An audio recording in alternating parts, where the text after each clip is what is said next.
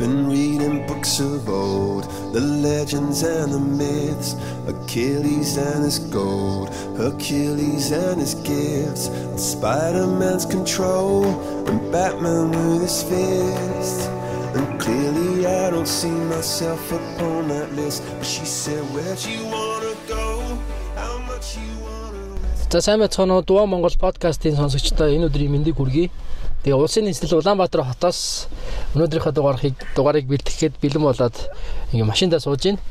Тэгээ өнөөдрийн дугаар маань нэг онцлогтой явагдаж байгаа манай подкаст анх удаага зочинтой ярилцлага хийхэр болсон. Тэгээд бүгд найрамд Австри улсын Вений их сургуулийн философи магистрант те. Тий. Философи магистрант Санчир гээд залуу манай өнөөдрийн дугаарт зочноор оролцож байна. За, сайн уу? Монголдо ирээд ямар байна? За сайн байна уу? Аа Монголд ирээд сайхан байна штэ. Ирчлээдөө тэ гоё нартай хавар болоод дулаахан байна. Харин тийм дулаахан байна. Хүмүүсийн санаа ч гэсэн ер нь Монголд их сайхан байх шиг байна штэ. Харахаар тэгээд бас аа, Монголд ирээд ажиллаж байхад нийгмийн хөгжил хувь хүмүүсийн хөгжиж ч юм уу тодорхой хэмжээнд нэлээ 5 6 жилийн өмнөөсөө нэлээ ахисан харагдаж байна. Тэр нь бас их баярлуустай юм болов. Тийм. За тэгээд э, өнөөдөр санчныгаа урьж оролцуулсан гол шалтгаануудын нэг бол юу вэ гэхээр одоо философч хүн учраас урсанд философор цаашдаа ингэ суралцж байгаа ингэ явж байгаа хүн учраас философийн ерөнхий ойлголтын талаар бас сонсогчдоо тэгээд залуучууд залуу хүмүүст ялангуяа нэг философи гэж юу вэ? Хаана үүссэн те? Ер нь энэ одоо шинжлэх ухааны зорилго нь одоо юу гэх юм те? Юу хийдیں, юуг судалдیں, юуны төлөө явдیں гэдэг талаар ингээд дэлгэрэнгүй ч байж болно давчхан ч байж болно тий ярьж өгөөч тий За тэгээ. А ерөөдөө одоо жишээ нь хаан ч юм уу одоо ихтэй сургууль философи нөгөө ихтэй сургуулийн хөтөлбөрт орсон байдаг шүү дээ философийн талаар бид тэр за цогсон юм үзээд өнгөрдөг. Ихтэй ямар нэгэн ойлголтууд ерөөсөө Тий, би нэр яг наадан дээр чи юу яасан юм бэ? Их сургуулийн 1-р курст байхдаа философийн хичээлгээд яг гүн ухаан энэ гээд орчуулсан.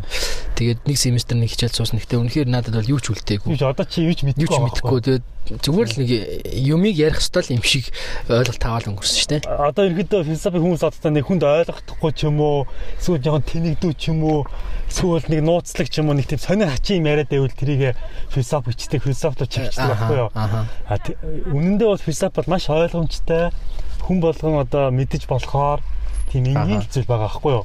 Тэгэхээр чинь бид нар эхлээд философийн талаар ярихын тулд эхлээд 2000 одоогоос нэг 2500 жилийн өмнө одоо эртний грек ронд яа яг бас тэр цаг хугацаанд хятад энэтхэгт ингэдөө философийн гал голомтод анх эхэлж байгаа байхгүй юу. Аха. Тэг яг хуу өрний философиг ерөөдөө голчлон яриад явъя. Дорны философууд ихэнхдээ хүний талаар авч үзсэн байдаг. А тэр цаг үед өрний философи болохоор илүү тийм одоо энэ тогтолцооны талаар, улс төрийн талаар, нийгмийн талаар хэд авч үзсэн байдаг. Тэгээд тухайн одоо бидний нэг дуусан нэрнэр байдаг шүү дээ. Аристотл, Платон, Сократ тэгээд а тэр хүмүүс чинь тухайн үедээ грекийн нийгэмд байсан тийм одоо арай юмыг нэг өөрөөр хардаг, арай нэг юмыг өөрөөр хүлээж авдаг хүмүүс аахгүй юу? Өдөр тутмын амьдрал амьдралын тухай биш одоо илүү юу гэдгийг ирээдүйн талаар илүү гоо зүйн талаар илүү урлагийн талаар илүү танин мэдхүйн талаар Мгм. хорвоо ертөнцийг яаж танин мэдэх вэ? Хүмүүс заавал ингээд хаад ноёд байх хэвээр юм уу? Ард иргэд заавал хаад ноёдоор дарлуулад байж ах юм уу? Ингээл ху- ард түмнийг мунхруулаад байж ах юм уу? Гэд асуудлуудыг өөрөөсөө асууж байгаа байхгүй юу. А тэр үед бол хүмүүс бол ерөөсөө л энэ амьдрал бол ингээл төрцсөн. Би боол бол боолороо жирийн хүн бол жирийн хүнээрээ би илимийг мэдчих чадахгүй, бодож сэтгэж чадахгүй. Ерөөсөө миний амьдрал гэдэг бол би ингээл одоо нэг юу гэдэг нэг одоо ингээ айл жирийн айл төрсөн бол тэрнгээрээ л ингээл хороо ирсэнс дуусна. Аха. А тэрээс тийм хороо ирсэнс та тэр мэдлэг тэр одоо боловсрал тэр юмыг олж авах боломжгүй юм байлаа шүү дээ. Тэгэл тэр одоо тухайн үедээ бас тэр грекийн нийгэмд чи улс төрчид байгаа, яруу найрагчд байгаа. Тэр хүмүүс нь бүгд нөгөө одоо Монголынхоор бол нөгөө их мэдих царайлцсан. Өөрсдөө сургаал номлолыг ингээл хэлдэг, ярьдаг. Тэгвэл ард түмэн тэрийг гайхан биширдэг. Гэтэл философч Сократ болохоор тэр одоо грек орноор аялаад ингээд хүмүүсээс одоо ингээд хүмүүстэй ярилцж байгаа байхгүй тухайн улс төрчтэй ярилцж байгаа. Тухайн яруу найрагчтай ингээд нийгмийн элитүүдтэй ярилцж байгаа байхгүй юу. Тэгэнгүүтээ тэр хүмүүстэй асуудаг үзээд тий. тий ярилцж үзээд мань хүн бодож байгаа байхгүй юу. Үгүй энэ хүмүүс чинь үнэхээр яг одоо юу гэдгийг ард түмнийг ингээд дагах ёстой мундаг элитүүд биш юм байна. Эдгэр чинь хийх нь ингээд зүгээр л мунхруулагчд юм байна. тарих багч Тийм тарих багчд юм байна гэд одоо хэлээд тэгээд тэрийг ингээд өөрөө юу гэдэг юм ингээд хэлээд зарлаад явж байгаа байхгүй юу. Тэгсэн чинь тухайн үеийн нөгөө грекийн одоо нийгмээс нөгөө тэр хүмүүс нь нийлээд нийгмийн элитүүд нь шүү дээ тэдний чинь тухайн үедээ. Тэгээд тэр нөгөө Сократыг ингээд яллахаар болж байгаа байхгүй юу. Ягаад гэвэл чи ингээд одоо юу гэдэг ингээд нийгэм буруу үлгэр дуурайл үзүүлсэн. Чи нийгмийн үнэт зүйлийн эсрэг ингээд чи одоо үнэт зүйлийг зөрчсөн гэж байгаа байхгүй юу. А тэгээд Сократд нөгөө хор ууж өгөх ял оноод гээ. Тэгэхээр чи ялаас чөлөөлөгдөж олон чөлөөлөгдөхийн тулд чи миний ярьсан бүх юм худлаа гэж хэлж хүлэмжшүрх юм бол аа. Тийм. Тэнгүү Сократ хэлдэг байхгүй. Үгүй. Би ингээд одоо хойч үеийнхаа төлөө үнний төлөө би энэ хорыг уугаад би энэ бүхнийг хамгаалаад ингээд хороо уугаад өхөө ингээд би энэ сонголтоо хийгээд тэгээд Сократ нэг хороо уугаад өгсөн байдаг байхгүй. өнгөрснөд шавны хин блэ Сократын шавч. Сократын шавчин болохоор яг Платон болж Аа байгаа. тийм Платон. Платогийн шавчин Аристотл. Тийм дандаа багш шавнар л Тийм. санагдаад. Тэгээд Аристотлийн шавчин нөгөө Александр Македонский гэдэг шүү дээ. Аа. Орсоор Македонский гэдэг нөгөө жанжин тий. Тэгэхээр яг хуу тухайн нийгэм чи одоо та нар бодлоо. Өнөөдөр Монголын нийгэм философи харахад асар хэцүү шүү дээ. Философч чи амар үннийг ярьдаг байхгүй. Нийгэм дандаа шууд л хэлдэг үннийг. За улс төр гэвэл ийм байх хэвээр, нийгэм нь ийм байх хэвээр. Тэгэнгүүт хүмүүс ч яг үннээс үнэн шаарддаг, үннээс амирх айдаг, зүхтаадаг. Аа. Ялангуяа нийгмийн элит хийж байгаа хүмүүс чинь өөрсдөө тэр үннээс их айдаг юм байна. Тэгэнгүүт философчид аль ч нийгэм нэгээс философч ингэ адлагдж явдаг. Өнөөдөр яг хуу нийгэм мэдээлэл ингээд гайгүй болцсон тийм үед бас нэг бодлын гайгүй байна л та. Аа. Ингээд философиг ингээд ойлгоод бас хүмүүс хүлээж аваад 2500 жилийн өмнө чинь бас л амар харанхуй байгаа байхгүй юу? Тийм бах тий. Тийм. Тэгэхээр ерөнхийдөө бид нар философиг одохдоо философи бол нэг талтаа ингээд ерөнхийдөө хорвоо ертөнцийг хүний амьдралыг те одоо юу гэдгийг одоо танин мэдэх тийм одоо нэг тийм мэдлэгийн салбар юм да. Тэгээ тэр үеийн нөгөө нийгмийн тогтолцоос ер нь их бага хэмжээгээр яг өнөөдөр бас оршин тогтноод байгаа юм шүү тий. Одоо яруу найрагчд бол амар нэр хүндтэй улс төрчид энэ төр гэл тий. Яг одоо юу гэх юм Монголын нийгэмдэр ч гэсэн яг тэр үеийн нийгэм бас ингээд тусгалаа олоод байгаа юм шиг харагдаад байдаг ч надаа. Тийм э, одоо Монголын нийгэм чи ингээд нэг тийм э, үнэт зүйлийн хувьд амар тодорхойгүй, суртахуун байхгүй, ямар ч тийм зарчимгүй байгаа даа шүү дээ. тийм ясвартгууны үнэлэмж энэ төр байхгүй. Тэгэхээр чин одоо 2500 жилийн өмнөх тэр грек ромын нийгэмтэй ер нь нэг төстэй байгаа байхгүй юу? Аа. Ягаад гэвэл хүн болгон өөрийнхөө нэг дураараа дурын зүйлээ ярьдаг, дуртай юмаа ярьдаг. Тэр нь болохоор одоо энэ хүн энэ хороо ертөнцийн энэ мэдлэг боловсруулаас хол одоо улс төрийн талаар ингээд ярьж байгаа яриануудыг сонсохоор чинь ерөөсөө л нэг жижигхэн жижигхэн онлайн биш нэг өөрсдөө хувийн үнэт зүйлийг яриад байдаг шүү дээ. Хүн хүмүүс таалагдах гэж яриад байдаг юм шүү. Хүмүүсийн сэтгэл хөдлөлтөд тоглосон. Тэ? Одоо малчид бол маш татан зориулаад одоо юу гэдгийг оюутнууд оюутнууд нэгээд зориулсан тэгтээ нэг жижигхэн жижигхэн хол явахгүй санаанаар яриад байдаг. А гэтэл яг тэр нь болохоор өөрсдөө тэр нийгмийн үнэт зүйл яа сурталчилгаан зүйндээ маш хол сэдвүүд л байгаа байхгүй юу? Философи яг ингээд одоо юу гэдэг зорилго нь одоо тэгэхээр үннийг хайх гэсэн үг үү? Тэгж ойлгож болох уу? Тийм үннийг хайх. Үннийг э, хэлэх үнний төлөө тэмцэх мөн үү? Ер нь. тий. За би одоо тэрийг нэг тайлбарлах. Аха.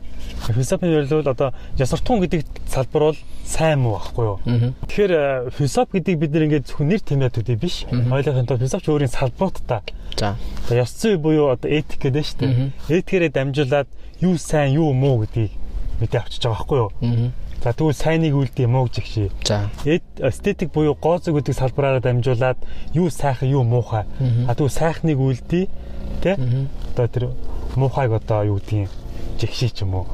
А тэгээд э, таны мэдхийн салбараараа дамжуулаад одоо логикоор дамжуулаад юу зөв юм, юу үний, юу худлын тэ? Тэгвэл бид нэ зөвийг дагъя, одоо худлыг юу гэдгийг одоо таягдны хаяа ч юм уу ингээд философийн салбар болгон чи өөрийн гэсэн үүрэгтэй. Тэгээ салбаруудаараа дамжуулаад судалсаар хагаад өнөөдрийн бидний хүн төрөлхтөн үнэт зүйлийг гаргаж байгаа байхгүй юу?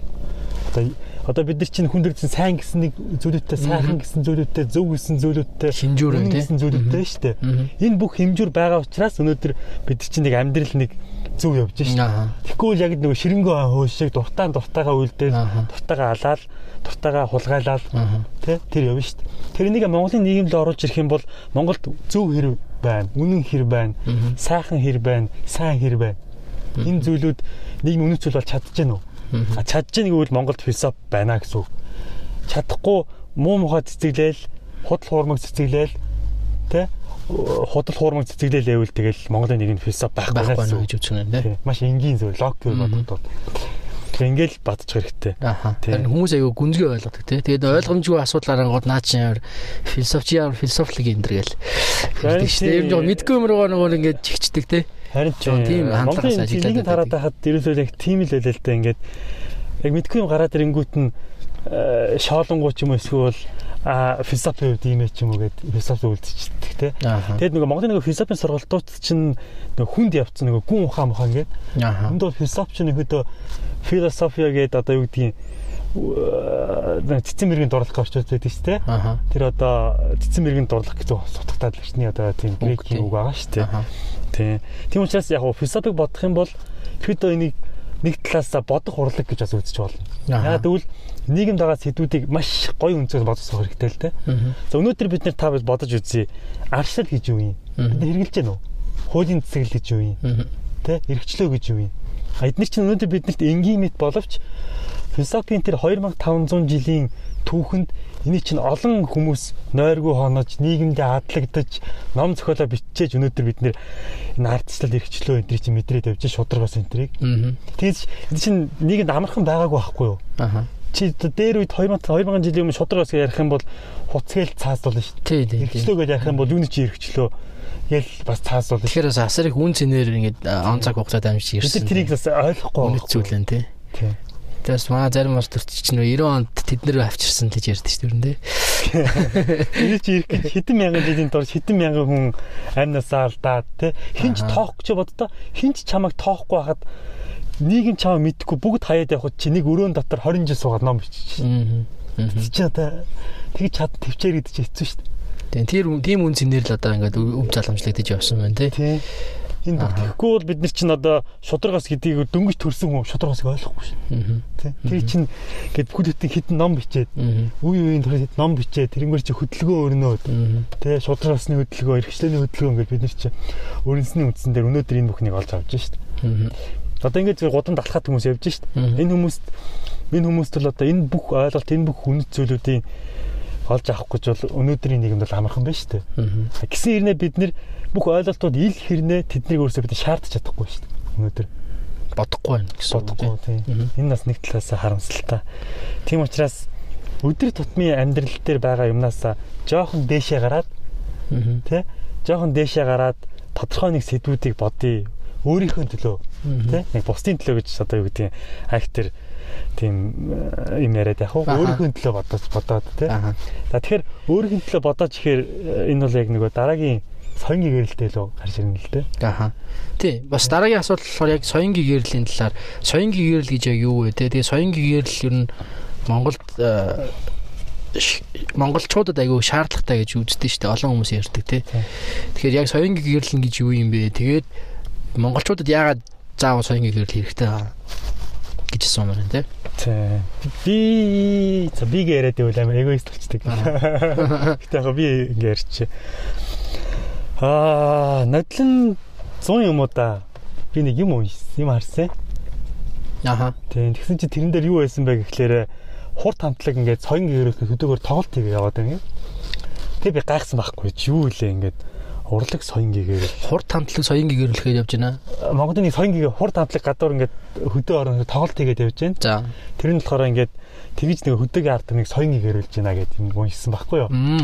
Тэгэд би гайхсан байхгүй. Ягаад энэ Монголд соён гэж яг ингээд яг үндсэн ойлголт Монголд юм байхгүй юм байна гэд. Аха. Тэгээд Монголд байгаа ингээд янз бүрийн юмнуудыг бас ингээ хараад судлаа үзсэн чинь ерөөсөө соён гэр гэдэг бол Монголд байхгүй юм байна. Энэ чинь болохоор 17-аас 18 дугаар зууны үед Европт өрнөсөн хөдөлгөөн байхгүй юу? Соён гэрэл гэж. Харанхуй зууны, харанхуй мянганы араас Тий. За харанхуй магны араас яг нөгөө сэргэн мандал гарч ирж байгаа. шилэн тийм тийм тийм. Renaissance Тийм. тэрний дараа enlightenment буюу соён гэрэл гарч ирж байгаа. Аа, Соён гэрэл чинь болдороо болохоор ихэд дөрвөн ураа дэвшүүл гарч ирсэн. За. Нэг нь болохоор одоо энэ хоцрогдсон уламжлалаас татгалцсан. Аа. Уламжлалт гэдэг хүлээсэн дунд нэг юм ерөөсө хөгждөг юм байна. Ганц зэрэг хоцрогдсон. А дараа нь шашны одоо ингээ төөрөгдлөс гарыг.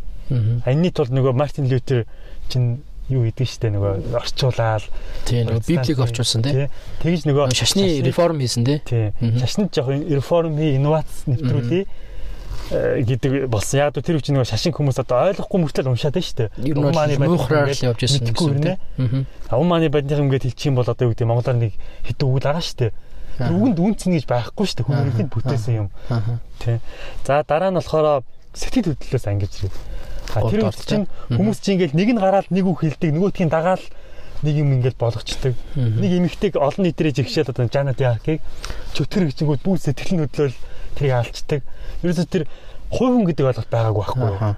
Соён гэрлийн хамгийн гол зарчим бол хувь хүнийг гаргаж ирэх байсан. Тэгэхээр хувь хүнийг гаргаж ирэхин тулд сэтгэл хөдлөлөөс татгалзах. За дараагийн нь болохоор мухар сүсэг нийгмийн бүхэл харилцааг мухар сүсгээр яатсан. Одоо нөгөө э, урдуур нь юу гэдэг штэ. Таны урдуур хар муур гарах юм бол хар муурал гарсан.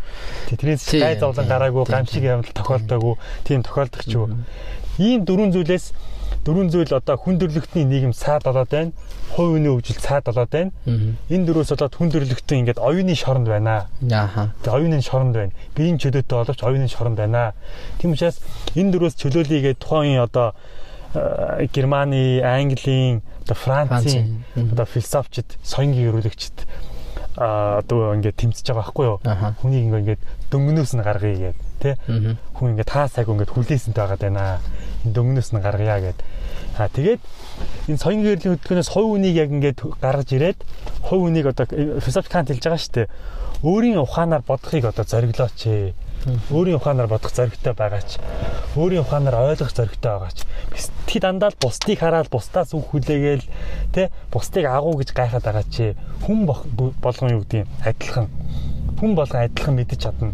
Адилхан бодож чаднаа тийм учраас өөрийгөө хүлээсэн саргаад өөрийгөө хөгжүүл тэгвэл хорвоо ертөнц чамд нээлттэй л гэж байгаа байхгүй соён гэрэл тэгээд соён гэрлээс чинь одоо одоо өнөөдрийн яг бидний яриад байгаа энэ ардсан нийгмийн бүх үнэт зүйл чинь соён гэрээс гарч байгаа шүү дээ манай нөгөө Rex штат гэдэг шүү дээ. Rule of law гэдэг. Хуулийн засаглал тий.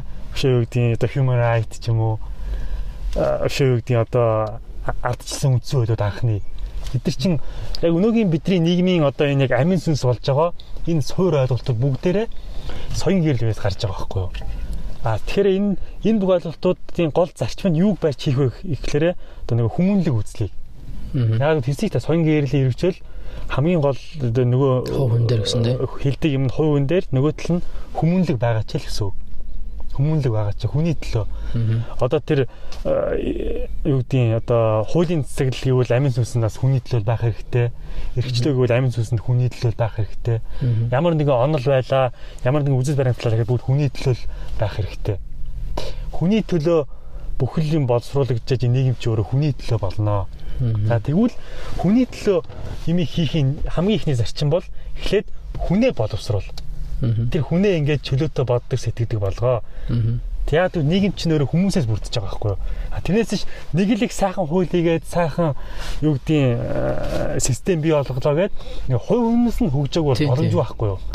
Тэгэхээр бид нэр үгдийн одоо одоо энэ дэлхийн хөгжилтэй гэдэг орнуудыг харахаар хувийн хөгжил насар өндөр түвшинд байгаа. Одоо нэг ийштэй Human HTI гэдэг шүү дээ. Human Development Index. Тэрийг харахаараа нэг юм тэр нь өндөр, тэгээд боловсрол нь асар өндөр байгаа. Тэгээд дараа нь эрүүл мэндийн систем гэдэг. Тэгэхээр энэ зүйлүүд нь ингээд юу гэдгийг дэлхийдээ ингээд өсөлтөж чадвар насар сайн байдаг. Эхний 10-т байгаа орнууд нь ерөөдөө бол хүний хувийн хөгжил асар их сайтай. Тэгэхээр чин нийгмийн хөгжлийг гол авч явдаг юм чин хувийн хөгжил ахгүй юу? Тэгэнгүүт э, манад болохоор өнөөдөр нөгөө юу гэдгийг ардсан нийгмийг бид нэг ингээд байгуулна гэдэг ураа хэлбэрээр ингээд яваад яг нь нийгэмдээ одоо юу гэдгийг Германы үндсэн хуулиас танаа аваад орчуулад үндсэн хуулиа игээд хуулийн ингээд засаглалаа ингээд тэрнгээр хийцэн.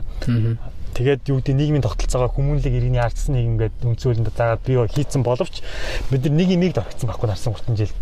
Хувь үнэ хөгжүүлээгүй. Тийм тийм. Тийм учраас хопс гэдэг чи хүн үндэ чон гэдэг нөгөө. Надад л ашигтай бол надад л одоо гоё бол тий одоо юу гэдгийг тэр хин нэгэнд хамаагүй болчихсон тий тэрийг одоо юу гэдгийг нийгмийн үнэт зүйл, хувь хүний бусдын үнэт зүйлийг анхаардаг байхгүй юу. Тийм учраас соён гэрэл чинь хилээд байгаа юм нь хүн болгон одоо амь амьдралтай, өөрийн гэсэн амьдралтай. Тэ? А чи амиа бодож болно, чи яаж ч болно. А гэхдээ бусад бас адилхан амь амьдралтай чам шиг хүмүүс байгаа шүү гэдэг хэлж байна. Тийм учраас чи өөрийн амь амьдралаа босгохдоо бусдын амь амьдралыг битгий сүйтгэж. Аа. Тийм бусад актер туслахгүй маа гэхэд Тэ хэтэрхий сэтгэл хөдлөлөөр битгий яваа. Ягаад гэвэл сайхан сэтгэл гэдэг чинь аюултай гэж байгаа байхгүй юу? Сайхан сэтгэл чинь ерөөсөө сэтгэл хөдлөл шүү дээ. Түрүү нөгөө нэг юу соёнгийн гэрлийн шүүмжилсэн яг дөрвөн одоо юу байгаа даа салбар гэх юм юу гэх юм те дөрвөн зүйл байгаа ш. Тэр дөрв дөрвөлөө Монгол байна юу гэж бодож байна. Үгүй одоо ингээд За мухар сүгэл байна тий. Сэтгэл хөдлөл бол бүх төвшөнд байна. За тэгээд юу лээ? Шашин. Шашин байна. Тэ модын шашинч өнөөдөр яг ингээд монголчуудын одоо бүр юу бод чадаагүй шүү дээ. Одоо жишээ нь Америкийн одоо хэрэгцээ шашинчдыг Америкийн эрхлэгч бол одоо юу гэдэг вүлээ? Бурхан Америкийг ивэ гэдэг шүү дээ. Аха. За Монгол улсын эрхлэгч хүн бол мөнх тэнгэр Монголыг ивэ гэж шүү дээ. Тэг будда Монголыг ивэ гэж хэлэхгүй шүү дээ. Тэг тэгэхээр буддын шашинч өөрөө ингээд асрыг зөрчилтөө, асрыг логикийн алдаатай байгаа байхгүй юу? Тэг миний харж байгаа өнцгөр. Аа Монголд байгаа нь. А тэрнээс би юу гэдгийг буддын сургаалууд үнэндээ бол хүндрэлтэй үнэтэй. Гэгэрлийн тий гэгэрлийн зүйл гэж үгүй шүү муулахгүй. Монголд байгаа хэлбэр нь болохоор монголчуудад зориулсан байх хэрэгтэй байхгүй юу? дээ. Мгм. Одоо юу гэдгийг нэг монголчуудад зориулсан одоо орчуулагдах хэрэгтэй. Монголын уламжлал зан заштай холбогдох хэрэгтэй. Ядаж монгол хэл дээр номоо одоо тэр хүмүүс одоо ойлгоод байх хэрэгтэй шүү дээ. Юу байгааг нь мэдэхгүй юм уншаал яадаг те. Тэгээд нэг төрөөс нь яг одоо буддын шашин чинь нэг одоо төрийн шашин болцсон ч юм шиг гүүч юм шиг тэгэл тэггүй тийм л байгаа гэдэг шүү нэг бодож утсан чинь тий нөгөө хэлсэн шүү дээ нөгөө одоо Монгол улсын үеийн ерөнхийлөгч юм хүмүүс мөнгө тэнгэр ивэгддэг байхгүй. дээ. Тий хэдэж буддаа Мөнх ивэг. хөх тэнгэр гэдэг Тий тийм. буддаа ивэг эсвэл юу гэдгийг богд зонхоо ивэг гэхгүй шүү дээ. Аха. Тий эсвэл эзэн тэнгэр ивэг гэж хэлэхгүй байхгүй хэлсэн. Тийм үндсэн үйл үндсэн үеийн дээр биш үндсэн үеийн цэцгийн дээр бол хөх тэнгэр л байгаа гэж Тэгэхээр ярьдаг чинь шүү дээ. монголчууд чинь яг нөгөө буддын шишин яг монгол хүний тэр зан характер бүхэнтэй зохицохгүй байгаа байхгүй юу? Нэг талаас. А нэг гэхдээ юу гэдэг би буддын шишнийг муу хэлэхгүй зохицуулаад хийж болно. Тий одоо инновац Тогтолцол байх байхгүй нь тий. Тэр цан байхгүй байхгүй юу? Тэгэхээр энэ дөрөв юм бол дөрүүлээ Монголд байна. байна тий. Эхнийх нь юу вэ? Мухар сэсэг. Мухар сүсэг тэгээд э, сэтгэл хөдлөл шашин а уламжлал тий уламжлал тэгэхээр дөрүүлээ байна. Тий, би бас яг дөрөв бодоод байсан. Шишин дээр аваад тайлбарлахад бол уламжлал гэдэг бол шинжлэл гэж байгаа байхгүй юу? Аа. Тухайн цаг үедээ тухайн үндэстэнд байсан тэр одоо тэр хамгийн сайн л үнэт зүйлүүд чинь уламжлалд явах хэрэгтэй. Аа. Гэхдээ уламжлал Шинжлэгдэх ёстой тий. Нэг нь ойлгох хэрэгтэй. Уламжлал гэдэг бол дараа үедээ уламжлах байхгүй юу? Өмнөх зүйлээ уламжлахаасаа илүү. Аа. Нийгмийн дараагийн үедээ үнэт зүйлийг уламжилж явахыг хэлээд байгаа юм. Гол нь бол. А Тэрнээс юу гэдэг өнөөдөр бид нар Монгол гэрээ 3000 жил авч яваад уламжлах биш. Монгол гэрээ дараагийн 3000 жилд яаж шинчиж Ээ, дараагийн үед үлдээж өгөх вэ? Тэр л ахгүй юу. А тэгэхээр энгийн жишээн дээр тайлбарлаж байгаа бүдүүн жишээн дээр тайлбарлахад хүрэл зэвсгийн үеийг чулуун зэвсгийн үеэс хүрэл зэвсэг шилжих үед Мгм. одоо одоо нэг өөрсдөө ингээ ай тухтагаасаа болоод чулууга тэрвэрэд үлдсэн хүмүүс байгаа шүү дээ. Хүрэл зэвслүү шилжихгүй. Аа. Уламжлалтай хайртайгээд Аа. а тийм хүмүүс л тэгээд үргэлжлэл хоцорсон шүү дээ. Тийм байна тий. Тэгэхээр хүрэл зэвсгэлүүд дагнаа явснууд нь өнөөдрийн хөгжил дэвшлийг бүтээж байгаа шүү дээ. Бүгд чулууга тэрэ явцсан өнөөдөр дэлхийн ертөнц үүсэхгүй шүү дээ. Энгийн логикоор л Тийм тийм тийм. Наа чи аягүй гоё жишээ боллоо шүү. Уламжлал гэдэг үгийг одоо Тийм. ойлголт дээр тий. дараа үедээ уламжлах шүү. Гэт өмнөх үеэ л ингээд давтаал э, нөгөө юу гэдэг одоо морио ингээд унаал яваад байх биш. Морио дараагийн үед чинь ламборжини болгох чинь уламжлахгүй. Аа.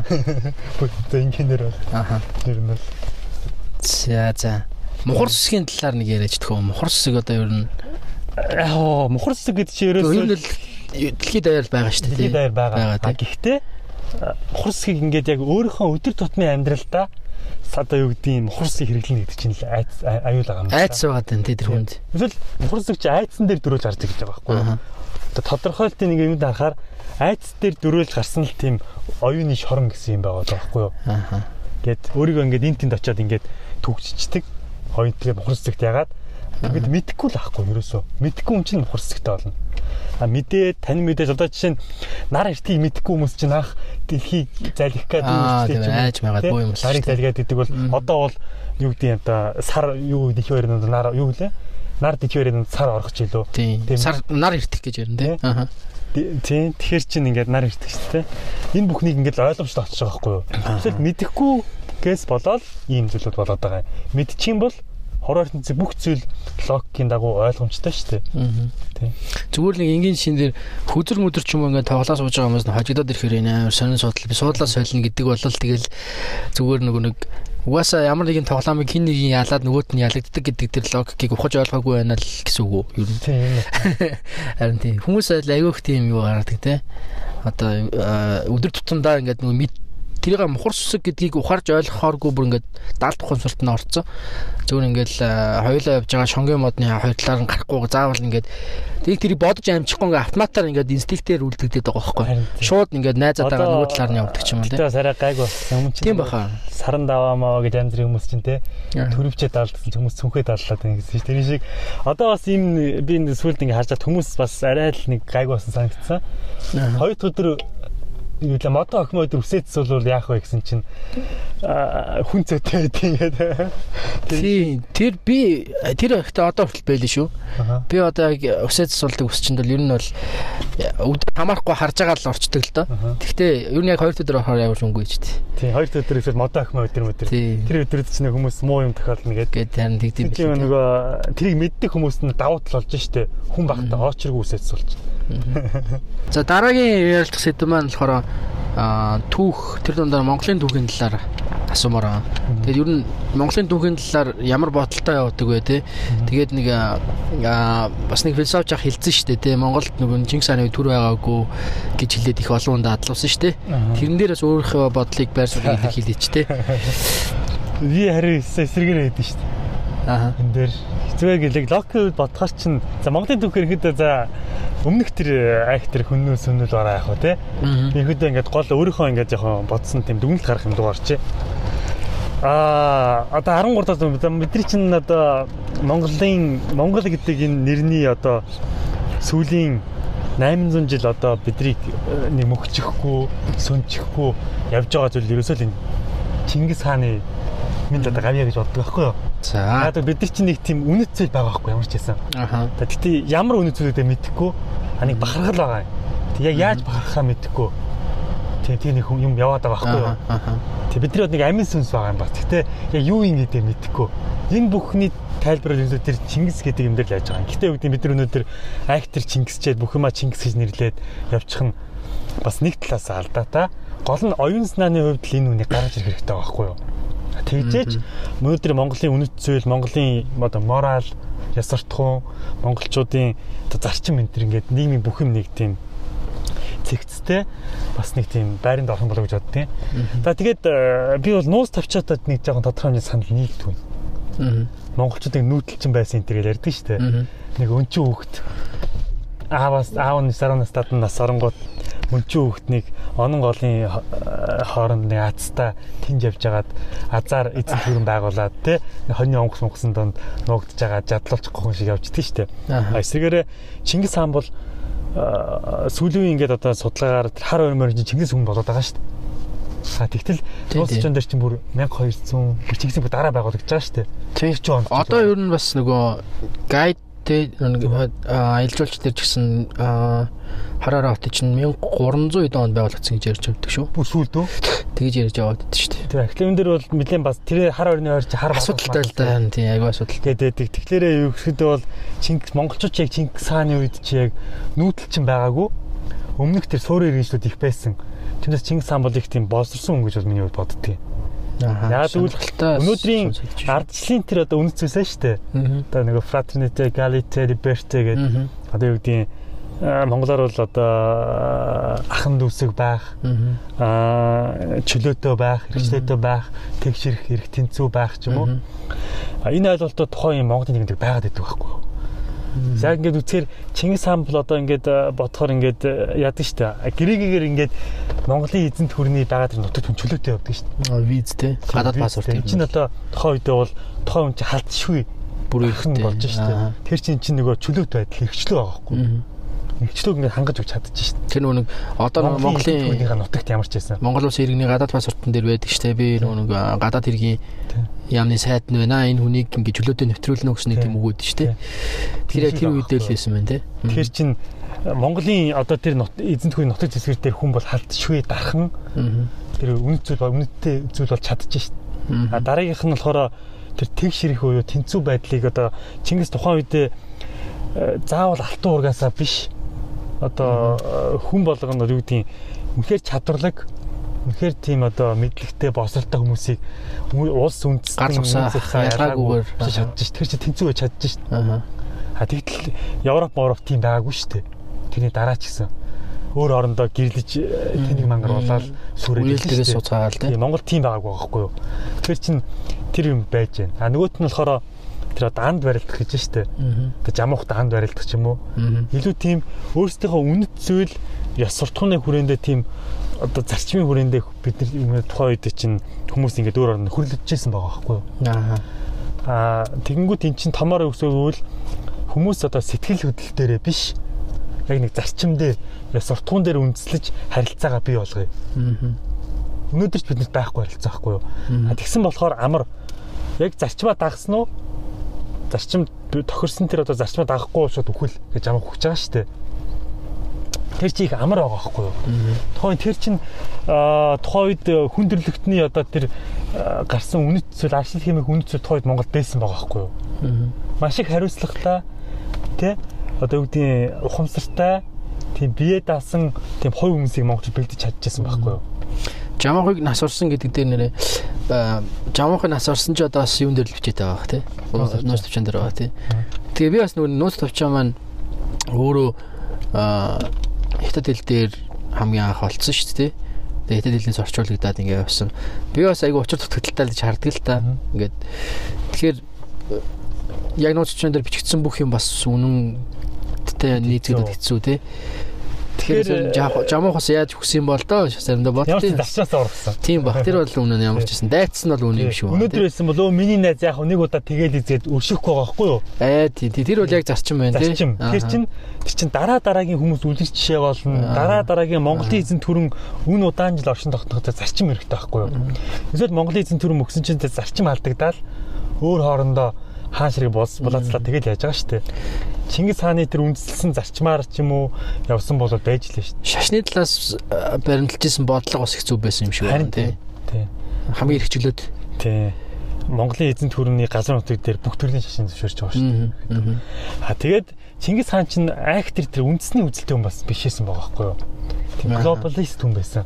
Глобал тий зөвхөн энэ Монгол үндэстнийг энэ нутаг дээр нь Монгол үндэстнэрээ байгаад авах биш. Дэлхийн хэмжээнд бүгдээрээ одоо Монголын эзэн төрний иргэшэлд орсон л бол чи ямар шашинтай байх нь хамаагүй ямар хүн байх нь хамаагүй бүх хүмүүс боломжийг олгоё. Бүх хүмүүс сайн амьдрах тэр одоо нөхцөл хангыг гэдгийг баримтсан байгаа байхгүй юу тийм учраас нөгөө гадагшаа хийсэн тэр Монгол төрний 80 80 амжилттай болоод одоо 2 300 жил оршин тогтнож чадсан. Тийм учраас өнөөгийн энэ глобал дэлхийн ертөнцийн үнд суурийг нэг тавьсан гэдэг чинь Тий. яг тийм утгаараа байхгүй юу? Зүгээр дай игээд эзлээд явсан гэдэг чинь глобализм биш. А тухайн улс үндэстнийг өөрсдийнх нь үнэт зүйлтэй ханд хүлийн зөвшөөрөөд өөрийнхөө хэрэгшээ дандаа оруулж ирсэн байгаа байхгүй юу? Аа. Тэр нь маш одоо юу гэдэг юм. Тэгээ наадмын дээр ч нэг асуудал гарч ирнэ л дээ. Нөгөө Багдадад байсан амар дэлхийн тэр үедээ хамгийн том номын санг монголчууд шатаасан гэж ярьдаг шүү дээ. Тэр тэр бол яг нэг бодит факт юм билээ шүү дээ. Тийм бодит. 100000 номтой илүү тэр номын сан чинь тий.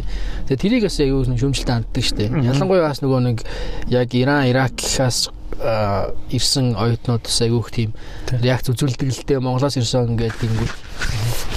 Тэрийг юу гэж харсан бэ? Тэр үнэхээр яг тэр тухайн улсын өв соёлыг ингээд устгасан. Гэхдээ тэрэнд яг ямар шалтгаан байсан болоо тийм зүйл болсон юм шүү дээ. Дайн. Тэгээ гэхдээ сая тэгтээ чи ярьсан шүү дээ.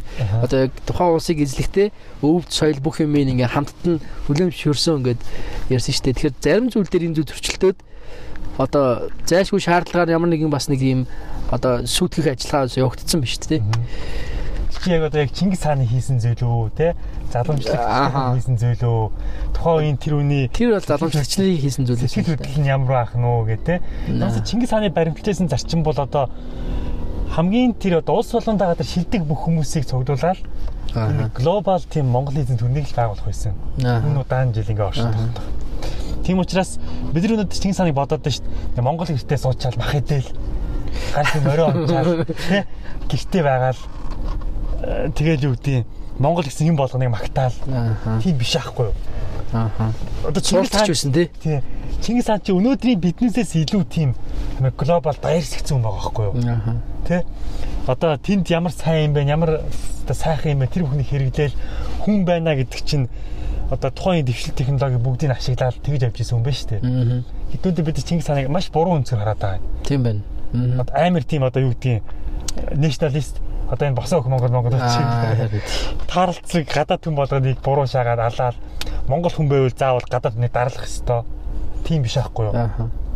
Чи яг л нэгin хэмжээнд оршин одоогор бол Яг тэд нар тэр хүмүүсийн тэр ах нарын маань хувьд бол ер нь тэгэл одоо Чингис хааныхаа үйл хэргийг үргэлжлүүлж ийн гэж өөрөөсөө дотроо бодоод яваад байгаа л да. Тэр л асуултаа мэдлүү. тэгэхээр Чингис хаан өнөөдөр байсан бол одоо юу гэдгийг Монгол гэрийг бараг хэрэггүйгээд хайхад бэлэн юм байхгүй юу? Хамгийн орчин үеийн юм юу вэ? Тэ хамгийн гоё тийм байшин юу вэ? Тэрийг барьж Монгол амьдрах хэвээр. Гол нь л энэ хүн гэдэг хүн чинь яг нэг үн цэнтэй амьдрах хэрэгтэй шүү дээ. Тэрэндээ хэрэг болж байгаа бүхнийг л ашиглах хэрэгтэй. Аа. Тийм л нэг хүн байсан гэж би бодоод байгаа байхгүй юу? Чингис хааныг. Өнөөдөр байсан бол одоо нэг Elon Musk шиг одоо хиймэл дагуул сансаглуу хөөргөн гээл байж байгаа хүн байхгүй юу? Аа. Наад Тэрнээс ч аюу гоё дүгэлтэй шүү. Тэрнээс Чингис хаан гэдэг юу гэдгийг бүү уламжлалтаа баригдал авах. Нэг соён гэрэл дээр ярьсан. Чингис хаан чинь тэгэхээр соён гэрүүлэгч байсан байгаа байхгүй юу? Аа. Уламжлалтаа баригдах биш. Илүү юу гэдгийг уламжлалаа шинжилээд дараа дараагийн тэр Монголын эзэн төрний байгууллагад илүү анхаарч байгаа байхгүй юу? Тийм учраас хувлаа хаан чинь Монгол эзэн төрийн нийслэлийг Бээжинд байгуулж шít. Ан чи нэг талтаа бас бурууг харахгүй байхгүй юу? Уур амьсгал нь гоё тий? Тэнд хүн сайн сайхан Далаараа ойрхон тий. Далаараа ойрхон бас Монгол эзэн төрнийг бас тодорхой хэмжээнд төвн болж чадна ч юм уу тэр утгаараа. Аа. Яг уу нэг алдаа нь бол хитрхи глобал болгох гэж ингээд глобал эзэн төрнийг байгуулах гэж явж байгаад яг цөмөө алдсан. Монгол эзэн төрөө. Тэгэнгүүт нөгөө э, маш олон газруудад ингээд төвтэй Хүний тоос их асуудалтай байсан тэгээд иргэдээ жоохон бүтлгүүлсэн. Би бас тэрэн дээрээс бодчихлаа. Иван Гүрнийг байгуулаад Бээжин төвт Бээжин хотыг эзэнт гүрнийхаа нийслэг болгоод ингээл явж байхад бол тэр үедээ бас тэгээд үлдсэн бол өнөөдрийн Монголын юу бол бас шаал өөр байх байлаа л да. Соёл одоо юу гэх юм. Тариаланчтай аюух байсан байх байсан болов тийм өнөөдөр бол. За тэгээд тэрнээс хойш явах ингээ яваач тгүү. За тэгээд За ингээ Монголын эзэнт гүрэн ингээд манжин дараал руу явж байгаа шүү дээ. ааха. Бага хадын үед бол тэгээд нэг жоохон чимээгүй. тэр үед бол иргэд нэг одоо харанхуй нөгөө Европын дундад зогсож байгаа шүү дээ. Алж чадаа. Хаан ширээнийхээ төлөө тэмцэлтэй тэр юу Чингис хааны тэр одоо байр бий болгосон тэр зүйл бүгд нуруу унсан жилүүд л байгаа шүү дээ. 200 жил байна одоо. А тэгээд нөгөө Европт 17 18 зуун соён гэрэл эхлэх үед чинь монголчууд яг манжин даралд ороод нөгөө жинхэнэ шашны, жинхэнэ мухар сүсгийн, жинхэнэ нөгөө худлаа уламжлалуудын юмд орсон шүү дээ. Ааха. Яг одоо манжийн тухайн үеийн одоо юу гэдэг үнэт зүйлүүд монголчуудыг орцсон байгаа байхгүй юу? Юу гэдэг одоо нэг Монголын асар их зүр өгөөд шүү дээ. Аа. Одоо э, хоцрогдсон янз бүрийн зүр өгөөд байдаг шүү дээ. Тэг ямар зүр? Манжаас гаралтай гэж? Манжаас гаралтай ирнэ гэж боддیں۔ Би бол өнөөдрийн Монголын зүр өгөөдийн 90-95% нь ерөнхийдөө Чингис хаан тэр Монголын үнэт зүйлээс биш манжийн үеийн монголчуудыг одоо мунхруулах юмнаас гаралтай гэж үздэг. Одоо юу гэдэг хурим харуул хуримтай тааруул мó оршуулгатай тааруул сайн ч юм уу. Тэ хүн их өгөхөд оршуулга харж лээвэл сайн. Тэр хүн өхнө гэдэг чинь одоо ямар сайн байх вэ? Хурим гэдэг чинь хүмүүс тэр баярлж байгаа сайн сайхан юм байхад тэр харж лээвэл сайн. гэдэг тий. Ааха. Тэ? Тэр чин манжийн үед л монголчуудыг энэ мунхруулсан зүүр үг нь асар их гарсан. Тэгээ биднийг энэ хоосон уламжлал шашин машнаар асар их хүлээнд оруулаад Монгол нэг чөлөөтэй боддгоо тэгэнгүүтээ будын шнийг оруулж ирээ бидний тархилуу хүчээр хийчихэж байгаа байхгүй. Тэгэнгүүт 19-р зуун гэхэд чинь монголчууд 500 мянган хүн амтаа тэгээд 250 мянган эмэг эрэхтэй гэж бодоход тэрнийхэн бараг 190 нь хийдэс шавилцсан. Тэгээ хүрээнд 10 20 мянган хятад эрэхтэйчүүд. Хүрээний тоолох гэсэн тийм байл шүү дээ. Тэмбүү лөө. Тэмбүүний газар авцсан. газар авцсан. Тухайн Монгол ирчүүдээс хятад ирчүүд хүрээндсэн байл шүү дээ. Хэд дахин илүү. Тэр чинь өнөөдөр монголчуудын генийн бодлого бодлого гэвэл асуудалтай. Асуудалтай харин тий. Хүрээндсэн гэвэл хятадууд юу амар их байгаа байхгүй юу? Тэгээ дээшээ олон үеэ мэддэг хүмүүс бас хідүүлээ тий. Тэгээд нэг социализм гарч ирээд арай гэж нэг бидний чинь ингээд нэг хүн төрхөнд орууллаа шүү дээ. Гэтэл энэ бидний энэ хүн ингээд э, юу гэдгийг тодорхой нэг үжил суртлын үрээнд хой хүн болж чадсан болохоос ш. А нийгмийн хүн болж чадсан байхгүй юу? Тэгээс социализмын үед бас хой хүн гэдэг ойлголт байхгүй. Социализм хой хүний хөгжилд байхгүй юу? Социализм чинь яг нийгмийн социализм гэдэг зүйлээр таарсан үнэт зүйлтэй таасан яс суртахуунтай тийм үнийг бий болгож байгаа. Тэнгүүд 90 он социализм унангууд монголчууд нийтээр архинд орж шít. Нийтээрээ үнэт нийтээ хүн хүндээ чон болж шít. нийтээрээ хүн үнэ алдаг, хүн үнэ хуурдаг, хулгайлдаг болж дээ. Эн чинь монголчууд яг актер монгол гэдэг тэр идентитетийг бий болгож чадаагүй социализм. Социализм гэдэг идентитетийг бий болгоод тэрэндээ л монгол хүнийг зүгээр барьцсан байхгүй юу? Хүлээс нь. За тэгэнгүүт тэр ундлаа дагаад монгол хүн байхгүй болцсон байхгүй. Тийм байна тий. Социализмын үеийн монгол хүнийг бий болгосноос ш яг монгол гэдэг тэр үнэт зүйлтэй хувь хүнийг бий болгож чадаагүй. Одоо тэд манай дээш үеийнхэн айгүйх ярьдаг шүү дээ. Социализмын хувийг айгүй санагалзаж ярьдаг тий. Их гоё ээжтэй. Тэгэл бараг л нэр мөрөөдмөр юм шиг ярьдаг шүү дээ. Тэгээд нөгөө тэр тухайн үеийн нөгөө нэг бичлэгнүүд аягүй явдаг шүү дээ. Ингээл гудамж талбай амар ингээд ногоон байгаламжууд аягүй их те. Хот төлөвлөлт төлөвлөлт ингээл яг ингээд цэцгэлэл зөв явж исэн юм шиг те. Гудамж талбай аягүй гоё өргөн. Тэгээ бодохоор нэр яа социализмын үед айгүй юм өөр байсан болоо. Тэгтээ мэдээж тэр мэдээж ингээ нэг ингээ нэг талаас харуулсан л бичлэг те. Нэг талаасыг ярьж байгаа л. Хувь хүний аз жаргал төсөөсөндөө байхгүй те. Хүний гэдэг. Тэгээд аршил гарч ирнэ гэдэг чинь ягаад момш арчлыг өссөн бэ гэхээр хувь хүн хөгжмөр байна. Хувь хүн өөрийнхөө дэвшмээр байна. Хүсэл сонирхлоо дагмаар байна. Тэ? Өөрийгөө өөрийн гэсэн тиймийг хайж штэ. Хүчээрээс натураасаа тийм өөрөө тийм мэдхийн төлөө өөрөө тийм бодохын төлөө өөрөө тийм одоо мөрөөдхийн төлөө тэмүүлдэг амтан дээ. Тэгээ ерөөс социалистын хэсэг шүү дээ. All men by the nature desire to know гэдэг. Тэгээ мэдхийн төлөө тэмүүлдэг. Социализм ч болохоор яг тийм байхгүй. Хүлээсэнд оролцож байгаа байхгүй. Тэгээ ардчлалын гол юм чинь л хувь үнийг бүх хүлээсээс нь тайлаад одоо жинхэнэ нөгөө соён гэрэл үзэс нан дээр тэр иргэн үндээс өөрс нийгмийг бүтээх байгаа байхгүй юу. Тэгтэл Монголын ардчлал нөгөө ардчлагс үзэснээгээ оруулж ирсэн шиг нөгөө хувь хүн гэдэг зүйлээ орхицсан бас. Аха зүгээр нэг юу явц юм шүү. Статистист орнуудын задрал ер нь тэгэл нөгөө давлгаа нь явсаар байгаа л Монголд бас ирэл яг тэгэл явсан. Яг мэдээж бол тэрийг хүссэн тэрний төлөө тэмцсэн хүмүүс бол байгаа. А ихтэй яг нэг гол үзэл санаа бүх зүйл нь бол угаасаа дэлхийн нийтээр өрнжижсэн тэр тухайн үеийн нөхцөл байдалтай шууд холбоотой болол би бодоод идэв шүү дээ. Тэгээ тэрийг айгүйх өмжилж ярьдаг те эсвэл нөгөө өмчлөлөө гэж асаа нөгөө талаас ярьдаг те. Тэр яг уу социализм ба тодорхой дэвшилээсэн буруутгаад яг уу алдаа оноо байсан. Гэтэ социализм яг монгол хүнийг бий болгож чадаагүй. Аршлж бий болгож чадаагүй. Тэр өнөөдөр монгол хүн гэж хин бэ гэдэг асуудал өнөөдрөөс асуултын тэмдэгтэй байгаа байхгүй юу? Аа. Яг үнэт зүйл тодорхойгүй. Аа. Би тэр ярьсан шүү дээ философ чинь нөгөө юу зөв сайн сайхан үнэн гэдэг зүйлсийг одоо философч нөгөө гол зарчмаа болгоод өөрсдөө мэдгийн салбараар дамжуул тэднийг асуугаад нийгэмд дэлгэрүүлж байгаа шүү дээ. Монголын нийгэм тэгтэл энэ дөрөв тодорхойгүй тий бид нар тодорхойгүй. Дараа нь тэр соён гэрлийн үеийн дөрвөн зүйлээ шүү дээ. Тэд нар бас тодорхойгүй байхгүй. Тэгэхээр чин философийн болоод соён гэрлийн тэр бид нар үнэт зүйл ойлголтуудыг оруулж ирээд хувь хүн болгон тэдэртэй танилцаад мэдээд тэднийг нийгэмдээ үнэт зүйлээ хувь хүнд үнэт зүйлээ бодож чадсан цагт сая соён гэрсэн нийгэм бий болох байхгүй. Аа. Ер нь бол маш товчондоо бол Тэгэхээр арчлал Монголд юу гэдгийг тодорхой системийн хувьд бид нэр арчлалыг авчираад явсан боловч хувь хүн дээр авчираагүй. А тэгэхээр хувь хүн хөгжөөгүй, хувь хүн болсроогүй нийгэм бол хизээч арс нийгэм болж чадахгүй. Тийм учраас өнөөдөр бид нэр хувь хүмүүсээ хөгжүүлэх хэрэгтэй, хувь хүмүүсээ боловсруулах хэрэгтэй, хувь хүмүүсээ соён гэрүүлэх хэрэгтэй. Тэгжээж сайн сайхан нийгмийг бий болгож чаднаа гэж л одоо хэлэх э, гол юм байна да. Тэгэхгүй бол Монгол нийгэм чинь бас амар байна шүү дээ. Аа. Хүн хүнийгээ тийм стресстүүлсэн хүн хүндээ одоо тийм яг нэг вампир шиг тэгээд ажил их янз бүрийн хөөцөлт нь ямар зарчмаар явахгүй. Тий. Э, тийм болохоор хэцүү. Монголын нийгэм бол яг бас амар байна л да. Зарчмаар явахгүй болохоор нэг талаасаа хүн болгонд яг тэгш боломж олдохгүй байна л да. Тийм, тэгш боломж олдохгүй. Танил тал аа их төвчний хэмжээгээр бүх юм ингээд цензуурлагдаад байна л дээ. Одоо чи тэр ярьсан соён гэрлийн тэр эсрэг дөрвөн юм ашиглахад Монголд баяжиж ш түн. Тэ? юу гэдгийг амар хүмүүсийг одоо эсрэг хөдөл дээр нь тоглоод, ухар цэцэг дээр нь тоглоод, худлаа нэг хос уламжлал яриад, тэгээ шашны нэг магтанд дурсан юм яриад. Тэр ч л одоо популизм гэж яриад шүү дээ. Тийм юм ярьсан хүмүүс юм арт түнээр бизнес хийж шүү дээ. Бизнесээ хийж чинь улс төрөө хийж чинь Тэгэхээр өнөөдөр Монголын бизнес улс төр шашны юмнэр ерөөсөд ийм юм дээр тогтож явж шít. Ард түмний тэр мэдхгүй чадахгүй байгаа гэдгээр нь л тоглолтыг л яваад шít. Философч Аристотель хэлж байгаа шít. Хүн бол хүн бүхэн өөрт оногдсон чадах ажлаа л хий. Цэвэрлэгч нь цэвэрлэгчээ. Аа. Улс төрч нь улс төрчөө. Тэ? Одоо юу гэдэг багш нь багшаа юм чинь юмчээ. А тэгэнгүүт цэвэрлэгч хийж байгаа хүн багш хийж байгаа хүнээс ч юм уу одоо их хурлын гишүүнээс дор биш аахгүй юу. Яг өөртөө оногдсон ажлаа хийж байна. Тэрийг хамгийн сайнаар хий. Тэгээд хүн болгон өөртөө оногдсон ажлаа хамгийн сайнаар хийгээд аа тэгээд хангалттай цалин үлсээ аваад нийгмийн зүгээс өөрийнхөө тэр хүндэтгэлийг аваад өөртөө сэтгэл ханамжтай байгаад тийм нийгмийг л бүтээ.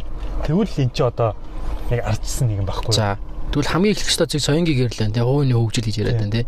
Тэгэхээр энийг хийхийн тулд яг хамгийн их нь гарах хэвээр одоо юу гэдэг юм төрийн бодлого гэх юм уу юу гэдэг урт хугацааны нэг тийм юм хүсэдэж штэ бүр нийтээрээ нэг нийгэмний төлөө тэмүүлдэг нэг зорилготой тэрнийхээ араас ингээд явдаг баймаар штэ би бол тэгж бодоод байгаа байхгүй. Тэгэхээр тэр нь яг юу байвал тэр за боловсролын системийг өөрчлөх хэрэгтэй тий ингээд асар олон зүйлүүд байна штэ тий орчин үед боловсролоор л дамжин штэ боловсролын системээр.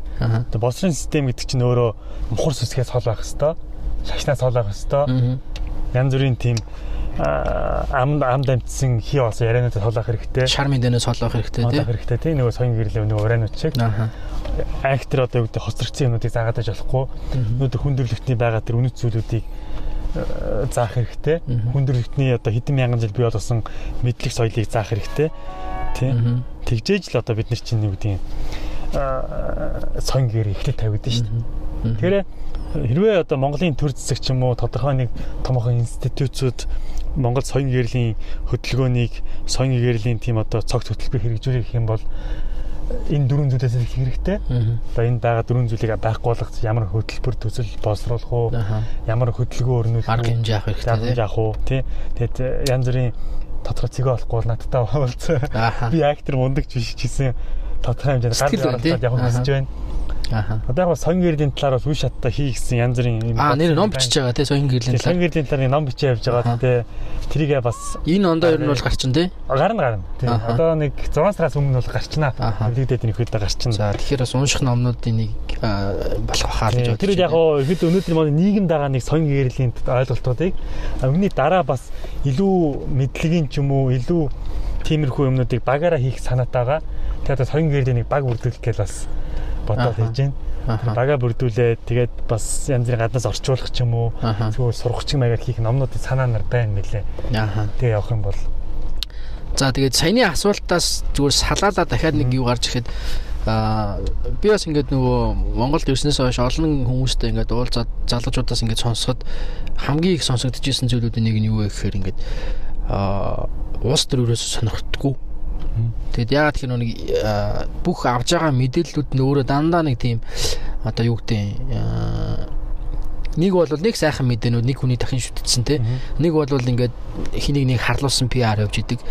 За тэгээд энэ одоо ингээд бидний өдөр тутамд авж байгаа нь улс төрийн мэдээнүүд дандаа нэг ингээд ийм тийм юу гэдэг хачиртай ч гэдэм юм тийм хэцүү тийм улс төр ер нь бол айгу Монгол нэр хүнд айгу муутай штэ. Тэгэхээр хүмүүс сонирхоо болц ялангуяа залуучууд ингэсэн би тийм заваа юм ярихгүй, заваа юм сонсохгүй, тэр талаар би мэдээж үсэхгүй гэсэн тийм яриа айгу одоо сонссон байхгүй. Би энэ дэр болохоор өөрөө айгу эсрэг байр суурьтай. Бид нар мэдэх хэвээр харин мэдж байгаа учраас бид нар одоо тий тэр мэдээллүүдэд ямар хариу үйлдэл үзүүлэх вэ гэдгийг бид нар мэдж явах хэрэгтэй гэж би боддог байхгүй тий. Энэ дээр юу гэж бодож байна? Одоо жишээ нь энэ жилээр сонгуул болно тий. Тэгэхээр энэ сонгуульд одоо оролцож байгаа оролцох иргэдийн 50-аас дээш хувь нь одоо 18-аас 35 насны залуучууд байна шүү дээ Монголд. Яг улс төр хэрвээ одоо чиний үнэт зүйлд чиний одоо сайн сайханд халдаад байна шүү дээ. Амьдралд чинь. Тэгэх юм бол чи тэр бүхнийг өөрчлөхийн төлөө тэмцэх хэрэгтэй шүү дээ. Өөрийнхөө төлөө байхгүй юу? Тэг яад үл чи сайхан амьдрах хэрэгтэй, чиний хүүхэд сайхан амьдрах хэрэгтэй. Чиний хүүхэд одоо одоо энэ хүүхэд ингээд дугуйнаал явж штэ талбай те. Энэ хүүхэд ингээд эрүүл саруул орчинд амьдрах хэрэгтэй штэ. Энэ бүхэнд юу саадлаад байгаа юм? Одоо Монголд А мэдээж үгдэх хүн актер ус төрчих хэрэггүй. Юу гэдэг юм одоо барууны нийгэмд бол хүн актер ус төрчих өөрхөн урд ажиллая гэдэг болно шүү дээ. Тэгэхэд бол сайхан амьдрахтаа болчихно. Одоо айгаа угаагаал хогоо шүдээ явж сайхан амьдрч шүү дээ. Монголын нийгэмд чинь өөрөө ус төр гэдэг зүйл өөрөө нийгэм Монголын нийгмийн хавдар болчиход байна шүү дээ. Нийгмийн тэр бүх сайн сайхан одоо нийгмийн тэр бүх одоо гэрэл игээдэ зүйлээр очиж наалтчаад саадлаад байгаа байхгүй юу. Тийм учраас үнд оролцох хэрэгтэй. А тэгээд э, би нэг юмний юм ярихад барууны нийгэмд ирэхэд хараад байхад улс төрд байж байгаа хүмүүс нь би төрдөө ард түмэндээ үйлчлэн гэж ярьдаг байхгүй юу? Serve. Serve гэж. Одоо хэлж байгаа шүү дээ. Би Америкийн ард түмэнд би 20 жил зүтгэлээ, Германы ард түмэнд би 20 жил гоо үйлчлээ гэдэг. Монгол болохоор зүтгэлээ гэж зүтгэлээ гэж ярьдаг тийм. Энэ бол маш буруу. Төр байгаа хүн чинь ерөөсөл үйлчлэх гэдэг ойлгох хэрэгтэй. Ард залуучууд ч гэсэн сэтгэлээ төрд ажиллана гэдэг чинь одоо чинь нэг сервис л байхгүй юу? Тий. Ард түмэндээ л үйлчлэх гэсэн үг шүү дээ. Эмнэлэгт ажиллана гэдэг чинь ард түмэндээ одоо юу гэдэг эрүүл байхад нь үйлчлэх гэсэн үг. Багш болно гэдэг чинь ард түмнийхөө мэдлэг басарт нь үйлчлэнэ гэсэн үг. Тий. Төрд байна гэдэг чинь одоо энэ хууль батлахад л ард түмэндээ үйлчлэх гэсэн үг шүү дээ. Тэгэл ингээд энгийн байгаа байхгүй уул нь. Тэгээс төрийн том зүтгэлтэн гээл нэг тийм байхгүй шүү дээ. Арс нэг төрийн зүтгэлтэн гэдэг бол өстой тэнийг ойлголт байхгүй. Байх эсгүй.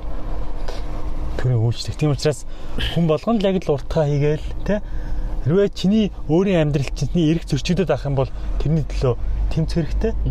А тэрнээс ч гэдгийг мөнгөтэй болох гэж ч юм уу алдар нэгтэй болох гэж төрлөө орно гэдэг бол утгагүй. Тийм тэгэл тэр нөгөө бала цикл чинь л цаашаа хөрвүүлээд. Тэгээд ингээд ойлгох хэрэгтэй байхгүй юу? Засгийн газрын ордонд орно гэдэг чинь айхтартай хүндэлтэй байрлал биш. Яг л 0 орж байгаа л адилхан шүү дээ тий. 0 орж бицдэг бол төрийн ордон л орж яадын одоо э, ямар хэрэгцээ байдгийг тий. Тэгж л орж байгаа тий. Одоо 0 селфи хийж байгаа бол төрийн ордон селфи яг л адилхан шүү дээ. Тиймээс төрийг актер дахин шүтэ тэрэггүй тий. Яг л өдөр тутмын амьдралтай байгаа энгийн л нэг институт шүү дээ. Тэгээд бас заавал тэгэл юу гэдэг гүн гүнзгий төвшөнд судлаал ингээд яагаад хэрэггүй ямар ч тодорхой хэмжээнд өөрийн гэсэн тийм одоо мэдээллийг цуглуулж аваад тэр болгонд ингээд эргэж хандмаар байна л та жишээ нь. Зөв ядаж нуус төрийн намуудын одоо бодлого баримтлал гэж юу юм чиглэл гэж юу юм гэдгийг зүгээр өнгөцгөн төвшин зүгээр Википедиагаар хайгаад ингээд үзчихдэг болчвол бас нэг арай өөр ихгүй тий. Одоо баруун нам зүүнний нам тий. Гэтэл их амархан байгаа шүү дээ. Тэгтэл одоо чи авсарч ядангуй байсан хүн одоо тэр FPO гэж барууны нам гарч ирлээ гэдэг гадныхны эсрэг өөрийн үндэсний хаяг юу хальтад эхэлж байгаа юм шүү дээ. Ойлгомжтой баруун нам. А зүүнний нам нь одоо гараад ирлээ гэхэд нөө SPO социал демократ нам илүү нөгөө нийгмийн халамж талдаа хараад ирдэг. Тэгэхэд намууд нь тодорхой байхгүй. Тэгтэл Монголд маан гарч ирлээ, ан гарч ирлээ. Яг л хийж байгаа юм ялгаагүй. Үзэл баримтлалч байхгүй Манай одоо жишээ нь зүүнний нам гэхэд гингүүтээ хөрөнгөтүүдэд дэмжиж авчиж байна. Аа. Том том бизнес. Уул нь тийм. Уул нь ингээл яг улс төрийн намуудын чиглэл нь тодорхой. А хүн болгоны өөрийн гэсэн улс төрийн чиглэл гэж бас байна шүү дээ, тий. Тэрийг бүх хүн өөртөө ингээд дотроо тодорхойлол тэгээд тэр тухайн намаа дэмждэг ч юм уу. Ингээд явбал тэр нөгөө нэг зарчмын дагуу дэмжиж явбал их зүгээр. Тэрнээс бол нэг хин нэг нэг нь хараад манай дарах эсвэл одоо юу гэдэг олон жил явсан нэг юу байдیں۔ нэг тийм тийм амар олон төрлийн нэг асуудлууд байдаг. Би бол одоо улс төрийн социал демократ үзэл баримталтай. Одоо чинь маныг дэмжих бодъё л да. Одоо маныг ч юм уу. Тэгтэл ман төрийн ихэнд социал демократ одоо диалогтой үн зүйлтэй нам маань нөгөө хөрөнгөтнүүдэд дэмжиж явчихад яваад шүү дээ. Тэгэхээр чи би одоо яах вэ? Дунд тавхаг дэмжих хэрэгтэй нам шүү дээ илүү одоо нийгмийн халамж ч юм уу нийгмийн дэд үтс талд анхаарах хэрэгтэй. Тий ан чи өөрөө либерал үзэл баримталтай гэтэл илүү хувь хүний эрхчлөө ч юм уу одоо тэр тал руугаа аваад явчихдаг тий. Харин тий. Тэр ингээд Монголын Монголд бол улс төрийн ярих амар хэцүү. Баримталтай юм шиг. Тэгээд нөгөө вебсайтн дээр бол аюу сайхан бичсэн байдаг тий. Яг л одоо Монголын нөгөө нийгэм шиг ардсан Монгол ус ингэнгүүтэл бид чинь феодлын Монгол ус яриа болчихсон шүү дээ. Харин тий. Тэгээд нөгөө залуучууд аюу яа юм шүү. Одоо ингээд зүгээр ингээд социал демократ ч юм уу те тэгэл консерватив ингээд янз бүрийн улс төрийн намуудын чиглэлийг ярихаар нэг гүнзгий ойлгол айгүй хэцүү гэж ойлгоод байдаг. Зүгээр л тодорхойлтыг нь л уншихад хангалттай. За энэ улс төрийн чиглэлийн тодорхойлт нь юу юм? Яг юу хийдэг? Ямар бодлого баримтлалтын гэдэг нэг 2-оос 3 өгүүлбэрт нэг тодорхойлт уншичаад бол юуны нэг юм нэг ойлголт гараад ирж байгаа байхгүй тий. Тэгээд тэрнээр ингээд бид нар өөрсдөө бас хүнээр улс төр заалах биш өөрөө дотроо өөрийн гэсэн бага хэмжээний мэдлэгийг бас ингээд тодорхой хэмжээнд авцсан байхад бол бас яг энэ энэ одоо юу гэдэг сонгуулаар хүмүүсийн ярьж байгаа энэ янз янзын одоо юу гэдэг мөрийн хөтөлбөрүүд янз янзын амлалтууд дээр гаргах одоо юунууд байна хариу үйлдэлүүд маань ингээд шал өөр болох байна та илүү ухаалаг үл юм Тийм учраас өөрөө л мэдээл өөрөө л одоо мэдээлэлээс мэдээлэлээс хоцрохгүй мэдхийн төлөө яваал улс төр гэж юу вэ намууд гэж юу вэ мэдчихэд эднэрт хуурагтаа болж шít. Харин тийм. Тий. Тэгэхээр бол амар болчихж байгаа юм л да өгнө л. Аха. Тэр энэ бүх сэдв өнөөдөр ярьсан хэд бүх сэдв нэг соён гэрэлдээд өгөгдсөн. Тийм байна тий. Одоо уусаа хамгийн хэрэгтэй байгаа Монголын нэг одоо юу учраас сегмент болохоор яг л бүх юм ингээл тойрч чаал нөгөө юу ороод байна. Тийм учраас ямар ч гэсэн миний ойрын 10 жил дэн сэтвэл явь гэж одоо тий. Аха. Соён гэрэл энийг нэг Монголын нийгэмд яг нэг ингээд бүр сөөрлүүлээд түн болгоны тийм соён гэгэрэлээ. Энэ соён гэгэрэл бол хол биш. Яг таны хажууд байгаа юм. Танаас өөрөөс чинь шалтгаална. Та өөрөө сайн байж чадах юм бол Монгол сайхан болноо.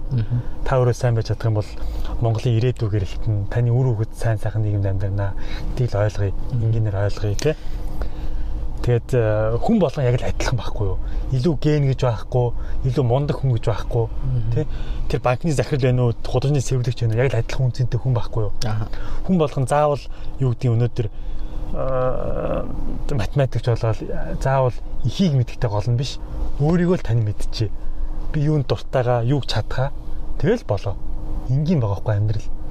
Тэ. Өнөөдөр юу гэдгийг одоо Германд ч юм уу захын нэг цэвэрлэгч хүн ингээл гудамжаа цэвэрлээл явж байхдаа 100 Америкт ч амарчиж шít.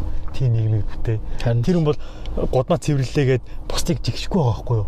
Тэр үнийг бусад харахтаа өрөвдөж харахгүй. Аа. Тийм бусад харахтаа тэр үнийг ажилтаа хүн. Тэнд бол ажилтаа хүн бол амьдралтай хүн байхгүй юу? Тэр тийм нийгмийг л бүтээмэр юм тий. Харин тий. За тэгээд хамгийн төгсгөлд нь одоо манай подкастыг сонсож байгаа бүх хүмүүст хандаад нэг тийм гоё уриалга хэлнэ шүү дээ. Яг нэг гоё час хийсэн. Аа. За тэгээд хэлэхэд бол нөгөө за яг миний одоо хайктер өрөө хэлэх нь нэг философи нэг Кант хэлсэн шиг. Тийм. Өөрийн ухаанаар бодохыг зориглооч л гэж. Өөрийгөө битгий дутан үнэл чи бүгдийг чадна чи хэрвээ оролдоод хичээгээд өөрийгөө хөгжүүлж чадах юм бол чиний өмнө хорон орсноос нээлттэй байна. Ийм сайхан одоо нээлттэй, ийм сайхан боломжтой 21 дээр зүүн болчоод байхад бид нар өнөөдөр мухар сэсэгтэй тэр одоо харанхуй бүдүүлэх байдалтай дарагдаж өөрийгөө тэр боломжуудаас ийм сайхан зүйлээс хоцрогоод яах вэ? Яг л хүн төрлөختн чинь нэг тийм сайхан амьдрил л та. Гоё ингээл өнөөдөр хүн төрлөختний 2 3 мянган жил бий болгосон тэр мэдлэг боловсрал тэ энэ эрдэм мэдлийг бүгд адилхан мэдээ. Тэр хүн дэлхийн хүмүүс чадаад та тэрийг нас чадъя. Тэ Монгол хүмүүс нэг хүн шиг сайхан амьдрмаар байна. Тэрийг л одоо уриалмаар байна. Тиймээс өөрийгөө л өөрчлөе чамд бүх боломж байгаа л гэж хэлээ да. Аха. За тэгээд санчтай баярлалаа. Өнөөдрийн одоо ярилцлага маань айгүй сонирхолтой болсон байх гэж одоо бодож байна. Тэгээд удахгүй бас ном нь гарах бах те. Тэгээд ном нь гарахаар бас олон хүмүүс авч уншаарай. Тэгээд бас түгээх хэрэгтэй те. За тэгээд дараагийн подкастаараа өөр сэдвээр бас өөр зочинтой иргэн уулзлаа. Түр баяртай. Та.